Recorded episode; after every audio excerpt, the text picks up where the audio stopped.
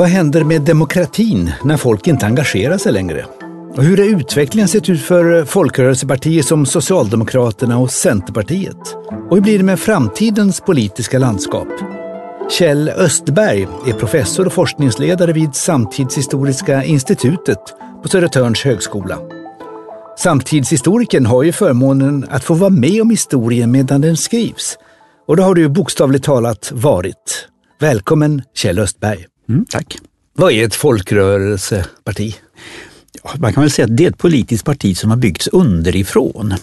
Alltså för drygt hundra år sedan så var ju politiska partier nymodigheter. Eh, de flesta politiska partier de byggdes inom parlamenten inom riksdagen, de konservativa och liberala grupperna som kom samman, makteliten som formerade politiska partier i de e- existerande parlamentariska strukturerna kan man säga. Eh, men det som hände på många håll och framförallt i Sverige kan, man säga, det var att det också byggdes upp folkliga strömmar underifrån. Till exempel? Ja, nykterhetsrörelsen och frikyrkorörelsen och arbetarrörelsen. Det är de, ja, kvinnorörelsen kanske man ska lägga till dessutom. Det är de traditionella folkrörelserna. Och från början hade de ingen självklar politisk eh, tillhörighet utan Ja, arbetarrörelsen orienterade sig väl mot socialismen och eh, nykterhetsrörelsen och frikyrkorörelsen sökte sig kanske mot olika liberala strömningar. Men det fanns inget självklart politiskt parti som motsvarade deras intressen. Så man kan säga att de, ska, de fick skapa de här politiska partierna åt sig istället. Och det som är intressant med den, med den svenska politiska strukturen, det är ju att, att, nästan alla partier har sina rötter i, i de här folkrörelserna. Eh, och många av dem har sina rötter i folkrörelser som grundades för 100 eller 150 år sedan. Kan du ge exempel där? Alltså tar vi parti för parti, var kommer till exempel Centerpartiet ifrån? Ja, de, alltså, Centerpartiet eh, hette ju förut Bondeförbundet och, och det, de har sina rötter i den svenska bonderörelsen.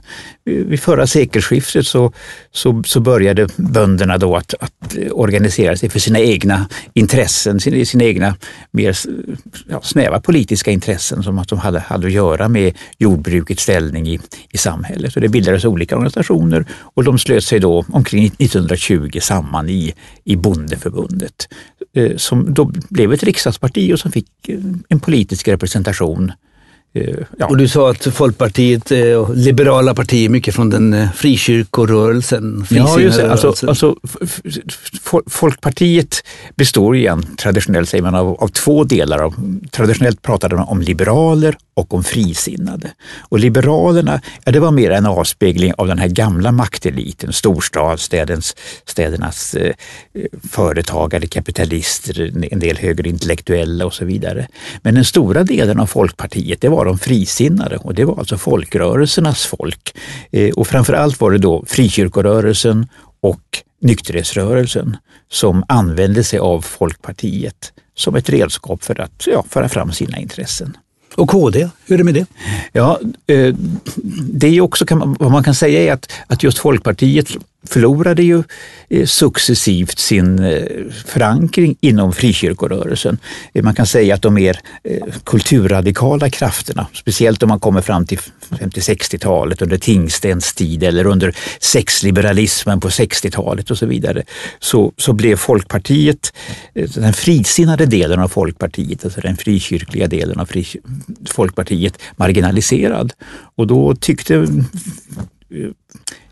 strömningar inom frikyrkorörelsen och framför allt den mest dynamiska delen av frikyrkorörelsen vid den här tiden, Lewi Petrus pingströrelse. Att, att det behövdes ett parti som mer tydligt ställde upp på de kristna värderingarna. Så just KD kan man säga, de har sina rötter inom pingströrelsen. Nästan alla ledande företrädare för pingströrelsen, från Alf Svensson till, till Göran Hägglund och har rötter inom just inom, inom pingströrelsen. Och miljörörelsen födde också ett parti? Ja, alltså den första vågen av, av av folkrörelsepartier, de, de traditionella. Vi, vi, har ju nämnt, vi har ju nämnt Folkpartiet och Centern, eh, men Socialdemokraterna och kommunisterna som hade sina rötter inom arbetarrörelsen. Det var de, de traditionella folkrörelserna, de som bildades vid förra sekelskiftet. Eh, men eh, det som, och det här kanske vi kan återkomma till, men det som hände med folkrörelserna och folkrörelsepartierna, det var ju att de i takt med att de, att de fick större politiskt inflytande också blev integrerade i samhället. Eh, och det gjorde då att många eh, ansåg att de hade, svik, hade svikit sina tidigare ideal, att de hade blivit eh, ja, för, för helt enkelt institutionaliserade. Och Eh, under 60 och 70-talet så, så uppstod ju en, en djup samhällsradikalisering, en ny radikalisering. Därför att de, när de gamla folkrörelserna bildades vid förra sekelskiftet, då var det en bred samhällelig radikalisering. Det var mycket strejker och demonstrationer och rösträttskrav och så vidare. Eh, och 60 och 70-talet betecknas ju också som en period av, av djup samhällsradikalisering. Och då uppstod det, som det ofta gör i sådana här perioder, nya sociala rörelser. Från början var det ju kanske Alltså studentrörelsen och det var FNL-rörelsen. Men under 70-talet så fördjupades den här radikaliseringen och det uppstod en ny kvinnorörelse, det uppstod en miljörörelse till exempel. Och, ja, kulturella rörelser, proggen och, och liknande saker. Och eh, det intressanta är då att, att eh, även de här nya eh, sociala rörelserna, ja idag är de inte så nya, de är, de är 40-50 år gamla, eh, men när, när de, när de utvecklades så, så, var det många av dem som inte kände sin, sin hemma, hemmahörighet i de traditionella politiska partierna. Eh, det uppstod en slags motsättning kan man, kan man säga mellan 68 och de 70-talsradikala och, och de traditionella partierna. Och Eh, flera av de här, de här strömningarna bildade då sina egna partier. Dels var det de här eh, vänstergrupperna, alltså vänsterpartierna som man ibland lite, lite fraktfullt kallar för bokstavspartierna. Det uppstod alltså leninistiska och trotskistiska och maoistiska partier eh, som så småningom kom att upphöra. Men några av de här strömningarna från 60 och 70-talet lyckades också bilda politiska partier och, och då alltså Miljöpartiet är ju ett bra exempel på det. Det uppstod då som som en, man kan säga, som en följd av nederlaget i kärnkraftsomröstningen. Alltså kärnkraftsfrågan var ju den, kanske en av de största politiska frågorna i Sverige under 70-talet. Under en period så var det nog rätt klart att en majoritet av svenskarna ville avskaffa kärnkraften.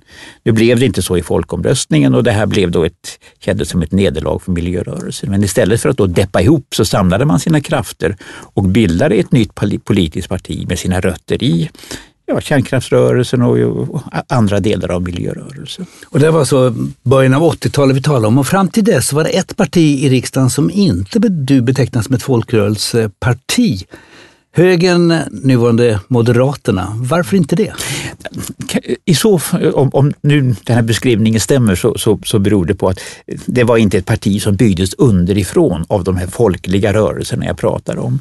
Högern kom dels, alltså det, ur eh, det, det, gamla, den gamla riksdagen, den gamla tvåkammarriksdagen. Och, och det byggdes framförallt upp av samhällets makteliter. Det var alltså eh, de rika bönderna, det var godsägarnas, det var, eh, det var eh, de högre byråkraterna, militärerna, högre kyrkliga potentater som alltså inte hade behov av att bygga upp den här typen av, av rörelser underifrån utan som hade sina maktpositioner i samhället. Och, och högern byggde i i, i all väsentlig utsträckning på de grupperna. Man kan säga naturligtvis att det finns vissa, folk, vissa rörelser som stod eh, höger nära om man skulle vilja se till exempel eh, ja, den frivilliga försvarsrörelsen som är en sån här rörelse möjligtvis. Men, men annars så, så tror jag man kan säga att, att, att, att högern i Sverige inte är byggt av de här strömningarna underifrån. Hur är det med Sverigedemokraterna och deras folkrörelsekoppling? Ja, det där är en intressant fråga och kanske lite kontroversiell. Alltså jag skulle nog vilja säga att, att, att eh, Sverigedemokraterna har den här fo folkrörelsekopplingen som till exempel Miljöpartiet också har, även om det bär emot att kalla rasistiska och profascistiska rörelser för folkrörelser. Men själva organisationsmodellen, att man bygger underifrån, att man eh, börja med att formulera sina krav utanför, utanför parlamentet och sen vänder sig då till, till, och blir vald i olika kommunala församlingar men samtidigt behåller sin, sin så att säga, underifrån struktur. Eh, ja, alltså, på det sättet kan man nog även om det är kontroversiellt, säga att, att, att även Sverigedemokraterna är byggda ja, under en, eller på, på en folkrörelsemodell eller på en, eh, åtminstone som ett, som ett uttryck för en social rörelse som också blir ett politiskt parti. Din forskning just nu, Kjell Östberg, handlar om den arbetarrörelse, folkrörelsen som sen blev de socialistiska partierna, Socialdemokraterna och nuvarande Vänsterpartiet. Vad är det din forskning nu ska titta på? Alltså, det, jag är nyfiken på det här. Vad är det kvar av de här gamla folkrörelsestrukturerna? Um, alltså, vad, vad, ja, vad, är då, förutom då att en rörelse underifrån, vad är det som är typiskt för en, en folkrörelse? Och ofta är, sätter man likhetstecken mellan socialdemokratin och folkrörelserna därför att socialdemokratin är, är den i särklass starkaste och mest välorganiserade av de här folkrörelserna. Och då kan man se att, att socialdemokratin inte bara, eller kanske inte ens i första hand, är ett politiskt parti. Utan den här rörelsen, ja, den består utav, av, alltså fackföreningsrörelsen har ju hela tiden, LO har ju hela tiden varit en självklar del av den här socialdemokratiska rörelsestrukturen.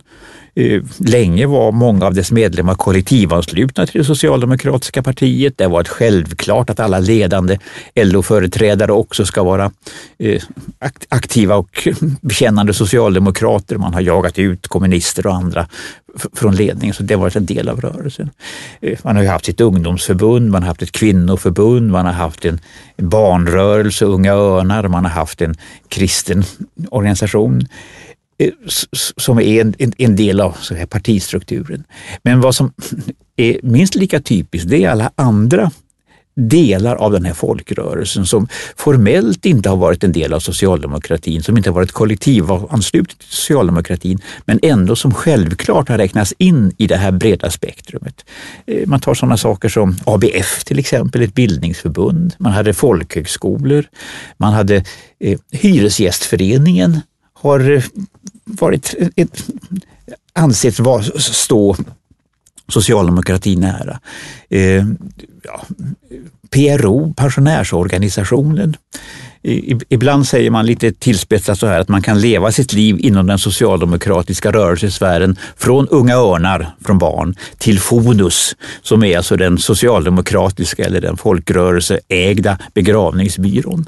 Och på vägen då mellan Unga Örnar och Fonus så kan man vara med i SSU och gå med i en arbetarkommun och vara med i Hyresgästföreningen ja, hela det här, gå på, gå på studiecirklar i ABF, hela det här spektrumet av, och, och rörelse. Vad hände med folkrörelsen Socialdemokratiska arbetarpartiet och dess många förgreningar du har berättat om? Vad hände? Ja, successivt så har ju det här eroderat. Eh, alltså, man kan säga att det här stod på sin höjdpunkt ungefär samtidigt som det svenska välfärdssamhället stod på sin höjdpunkt under 60 och 70-talet. Då hade den här rörelsen miljontals medlemmar och kontrollerade verkligen stora delar av, av samhället. Men och, det fanns ju då en koppling mellan det här folk, folkrörelseprojektet och, och socialdemokratin. Man, man pratar om den socialdemokratiska välfärdsstaten. Det var en överdrift men, men det var en, en, ändå en sak man sa. Alltså det här kan man säga, har eroderats kan man säga, både politiskt och organisatoriskt.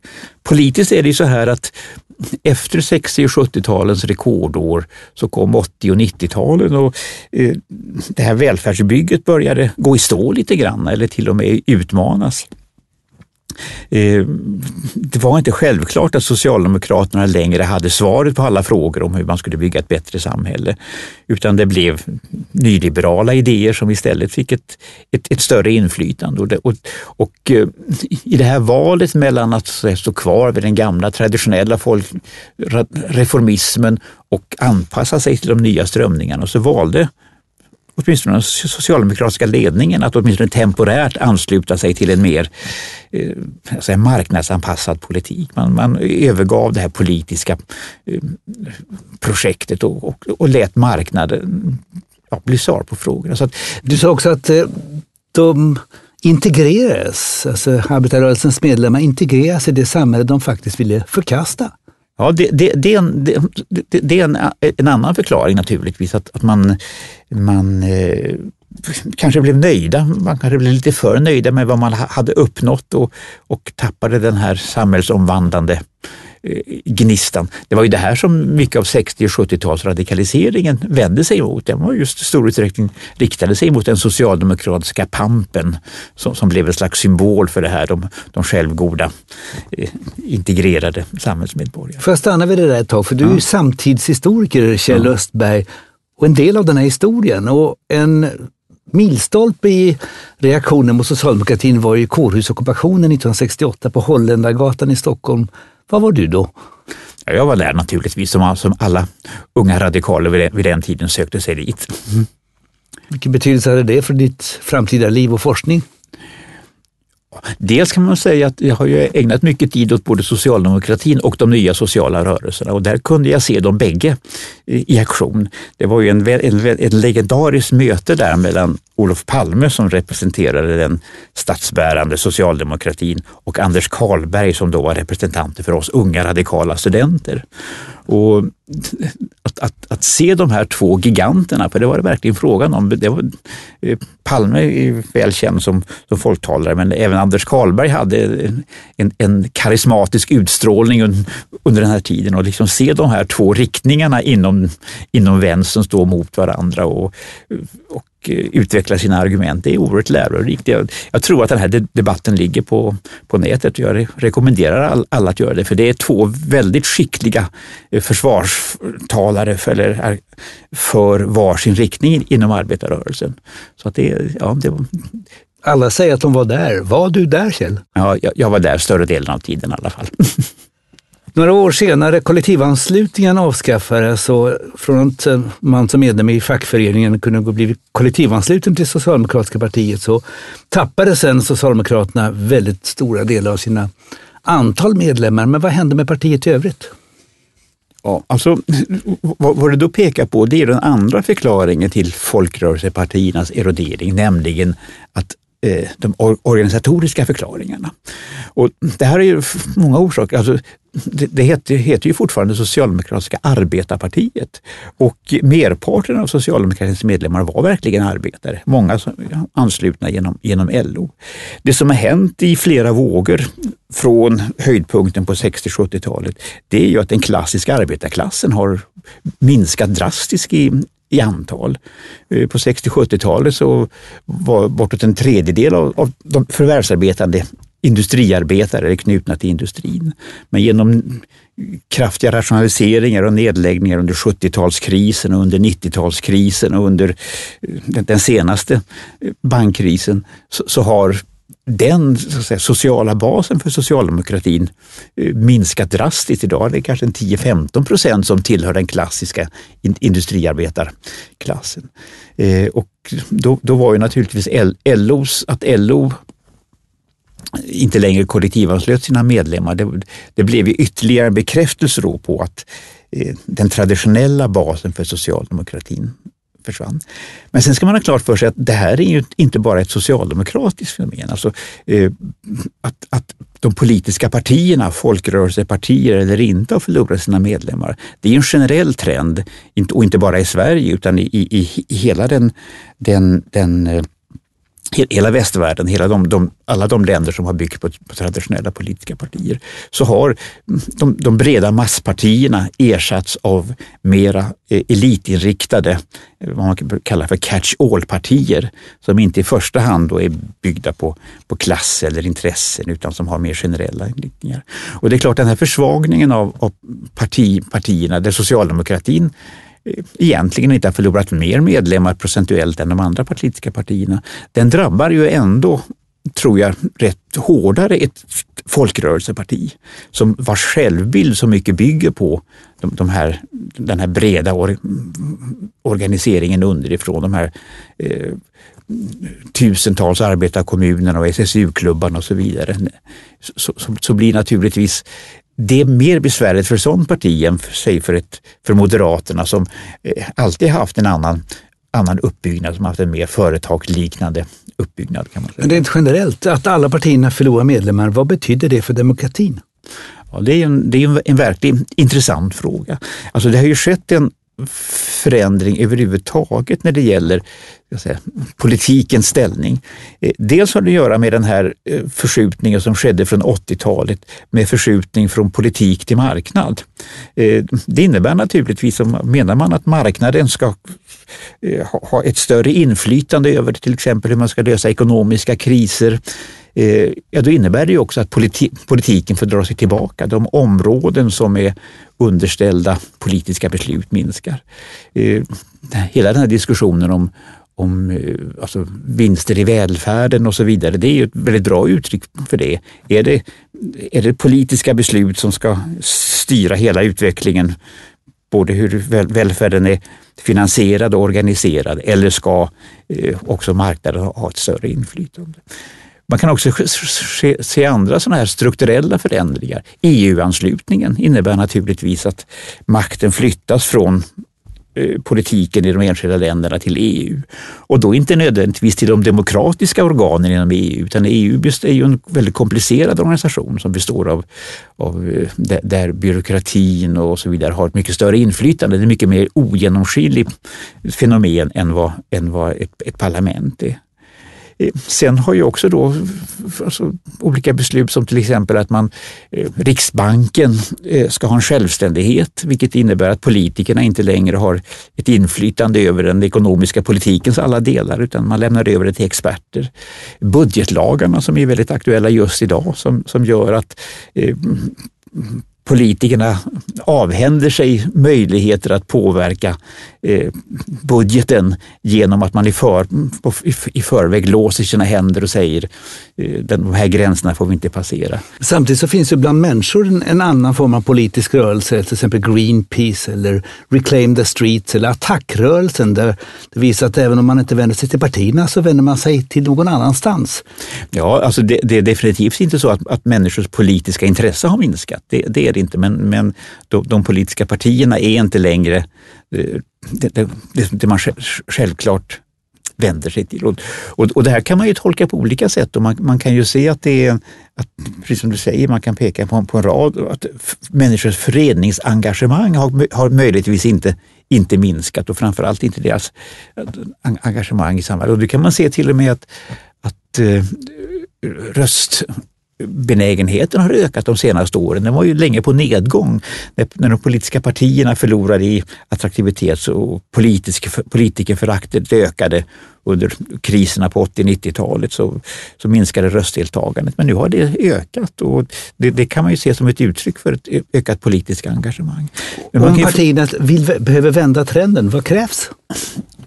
Ja, det, är en, en intressant fråga och eh, om, om det är om, en del säger ju att, att de traditionella politiska partierna har spelat ut sin roll.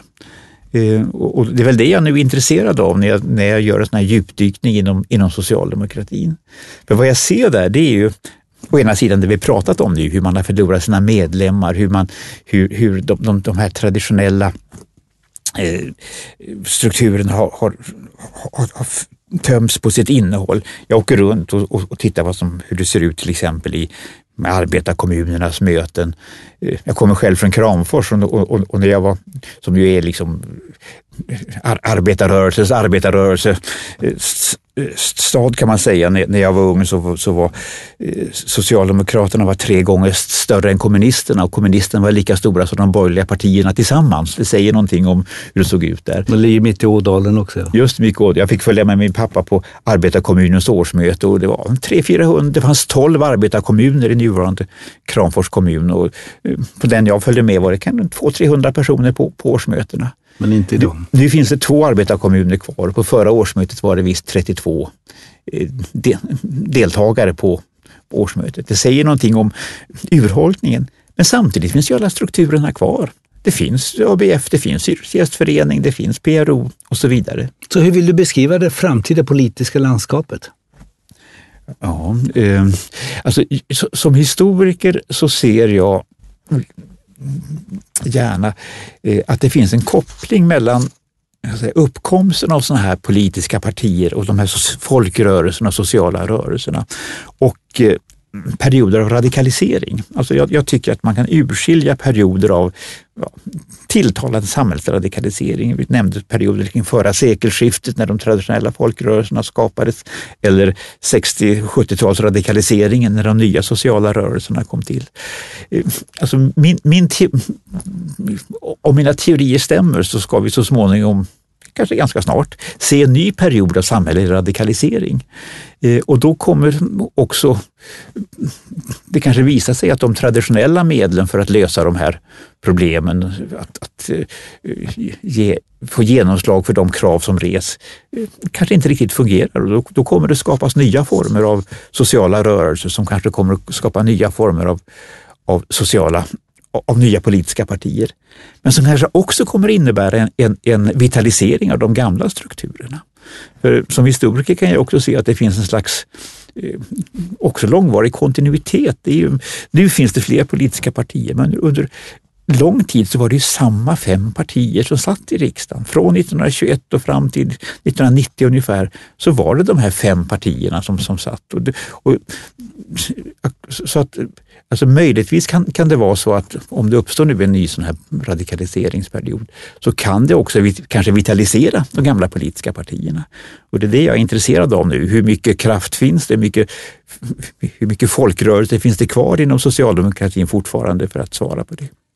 Den här intervjun spelas in den 9 december 2014. Vi har knappt tre månader till ett extraval och du får ju vara med om historien en gång till Kjell. Hur tänker du på den, den nya ska säga, politiska oron i Sveriges riksdag? Ja, jag, jag ser ju den som, i stor utsträckning som en avspegling av eh, en, en, mer djupliggande oro som finns i samhället. Att, att, att det vi ser nu, å ena sidan Sverigedemokraternas eh, framgångar är svårt att förstå på annat sätt än att det finns ett missnöje hos åtminstone 13 procent av, av, av, befolkningen eh, mot inte bara invandringen tror jag, utan, utan också hur, hur politikerna har lyckats lösa välfärdssamhällets problem. Eh, och eh, många av de frågorna som, som står i centrum nu är ju en, en eh, ett, också, också ett resultat av en samhällsdebatt som pågår. Alltså jag tror att, att en anledning varför klyftorna just idag är så djupa mellan Alliansen och socialdemokratin, det är att eh, det finns vissa frågor som den nu, nya regeringen har, har rest som hotar mycket av det som Alliansen har, uppnått under de senaste åtta åren. Jag tror till exempel frågan om vinster i välfärden är en sån fråga. Jag, jag, jag tror alltså att, att de protester som har funnits i samhället mot Eh, det som har hänt med välfärdssystemet och framförallt då de riskkapitalisternas eh, inflytande och så vidare. Det är en viktig orsak till varför eh, den här frågan har fått så stor samhällelig betydelse. Så, så, så därför så, så, är det för mig inte bara ett parlamentariskt spel utan det är också en, en, en reflektion av mer djupgående motsättningar i samhället. Du har också skrivit Norstedts svenska historia, det sista bandet om tiden. Vilken tid är det du skriver om? Ja, från 1965 fram till idag. Vi satte punkt ungefär en vecka innan manuset var färdigskrivet. Hur kan man skriva Sveriges historia? Var börjar man, var slutar man och vad tar man inte med så att säga, även om man har årtalen klara? Ja, ja det är naturligtvis den, den stora problemet om man skriver samtidshistoria. Skriver man om medeltiden så är risken ganska liten att någon säger att nej, så gick det inte till när eh, Engelbrekt mm. tog makten till exempel eller gjorde uppror. Eh, men skriver man om vår tids historia kan man vara säker på att var och en säger att så var det inte för jag var med. Den stora utmaningen där det är väl att försöka dels konstatera att det är en oavslutad historia. Och bara det är ju spännande att skriva. Alltså den tid, den tid vi lever i nu Eh, Eh, i vilken riktning det kommer att gå, det kan vi inte se. Jag, jag, sa att jag såg framför mig kanske en ny period av samhällsradikalisering. Eh, det tror jag nog avspeglar lite, lite grann av mina egna eh, politiska preferenser också. Det finns ingenting som, som säger att, att historien kommer att upprepa sig på, på det sättet. Det, det, kan mycket väl bli istället en utveckling mot till exempel en, ett fördjupat inflytande för marknadslösningar eller för det, det kan om man tittar, tittar runt, i, runt om i Europa och ser vad som händer i Ungern och ser Le Pens framgång i, i Frankrike och så vidare så kan man mycket väl tänka sig an, an, andra lösningar också. Den stora utmaningen det är väl att, att försöka lyfta fram historien i hela sin komplexitet och in, framförallt inse att den här historien är inte färdigskriven. Man får plocka fram olika tolkningar och, och, och, och ställa dem mot varandra men, men låta läsaren och kanske framtiden ge svar på frågan. Kjell Östberg, tack så mycket.